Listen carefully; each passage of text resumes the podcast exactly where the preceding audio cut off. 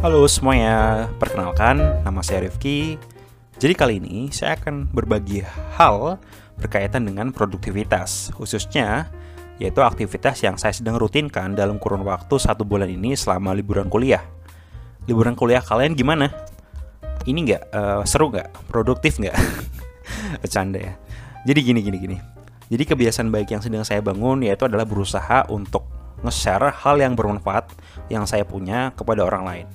Dalam hal ini, saya sedang belajar nih untuk membuat konten yang bisa bermanfaat untuk diri saya sendiri dan juga untuk para pengikut saya di Instagram gitu.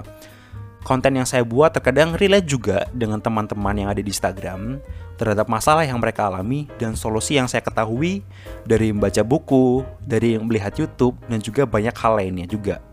Kemudian saya tuangkan dalam bentuk konten gitu alasan kenapa saya membuat konten, salah satunya saya kadang tertrigger nih untuk bisa punya manfaat walaupun kecil. Dan di antara itu juga, saya kadang merasa bahwa pada dasarnya saya adalah tipikal orang yang jarang menemukan teman yang sefrekuensi dengan saya, khususnya topik-topik obrolan yang saya sering bicarakan. Mungkin saya punya teman satu dua, cuman mereka juga sedang sibuk uh, dengan kegiatan mereka, dengan agenda mereka gitu. Jadi uh, minim banget waktu kita tuh untuk kayak uh, ngobrol, untuk hangout seperti itu. Dan hal itu membuat saya semakin bingung terkadang mau membicarakan hal ini tuh kepada siapa gitu. Jadi saya itu berinisiatif untuk menuangkan apa yang saya pikirkan ataupun dalam benak saya dalam bentuk konten yang saya unggah di sosial media khususnya Instagram saya sendiri gitu dan selama kurun waktu sudah lebih dari satu bulan ini saya bisa merasakan keuntungannya ketika saya itu membagikan tulisan yang saya buat ataupun juga tips konten yang saya unggah. Saya merasakan sesuatu yang lebih meaningful ataupun bermakna dari hidup saya. Karena dengan kita share terhadap apa yang kita tahu ataupun pemikiran apa yang kita punya ataupun bisa juga konspirasi terhadap sesuatu. Ini bahaya, jangan dicontoh kalau untuk kali ini. Kita jadi ngerasa bahwa kita punya hal yang bisa kita bagikan ke orang sekitar. Dalam artian kita bisa bermanfaat lebih untuk orang. Dan alangkah senangnya lagi bisa mendapatkan ucapan terima kasih di DM bahwa konten yang kita buat ini bisa berimpact baik ke banyak orang gitu. Dan perlu diketahui juga bahwa saya adalah tipikal orang yang jarang banget curhat apalagi curhat ke orang tua, kakak ataupun adik. Bahkan saya juga jarang nih membicarakan suatu masalah yang saya alami ke teman-teman terdekat saya karena saya punya prinsip kalau ketika kita itu menginginkan untuk menjadi manusia-manusia yang kuat, khususnya kuat dalam menghadapi masalah ataupun beban hidup yang kita alami, yaitu adalah dengan cara nggak membicarakannya kepada orang lain secara nggak langsung kita satu demi satu langkah demi langkah menjadi manusia yang dewasa secara mental.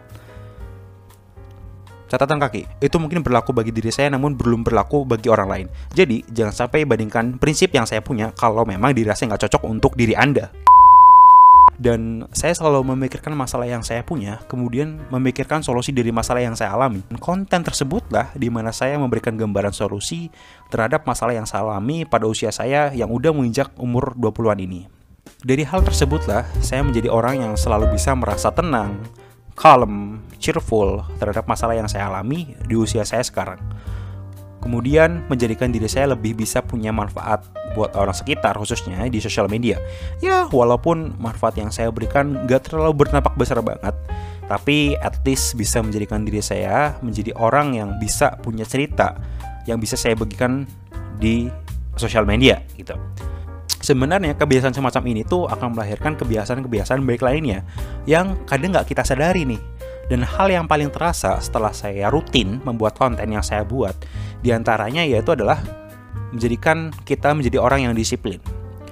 Ketika saya memulai untuk konsisten dalam membuat konten atau tulisan, saya merasa bahwa hal ini membutuhkan waktu yang gak sedikit dan akan memakan waktu yang cukup lama.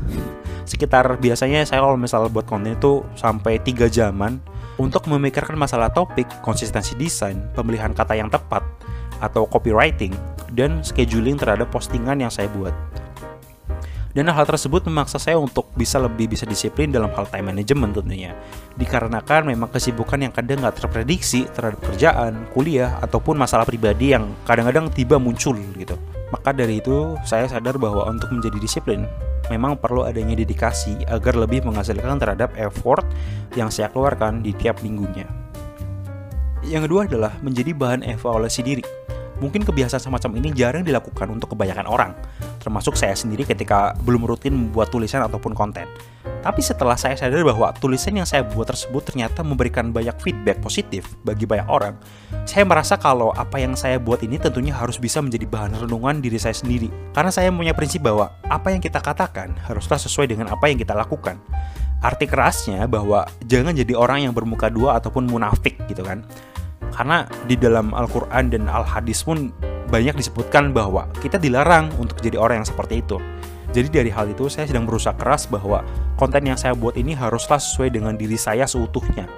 Untuk bisa jadi orang yang baik dan bisa punya manfaat dan sekaligus bisa menjadi bahan evaluasi diri saya setiap harinya agar ke depannya bisa menjadi pribadi yang lebih baik.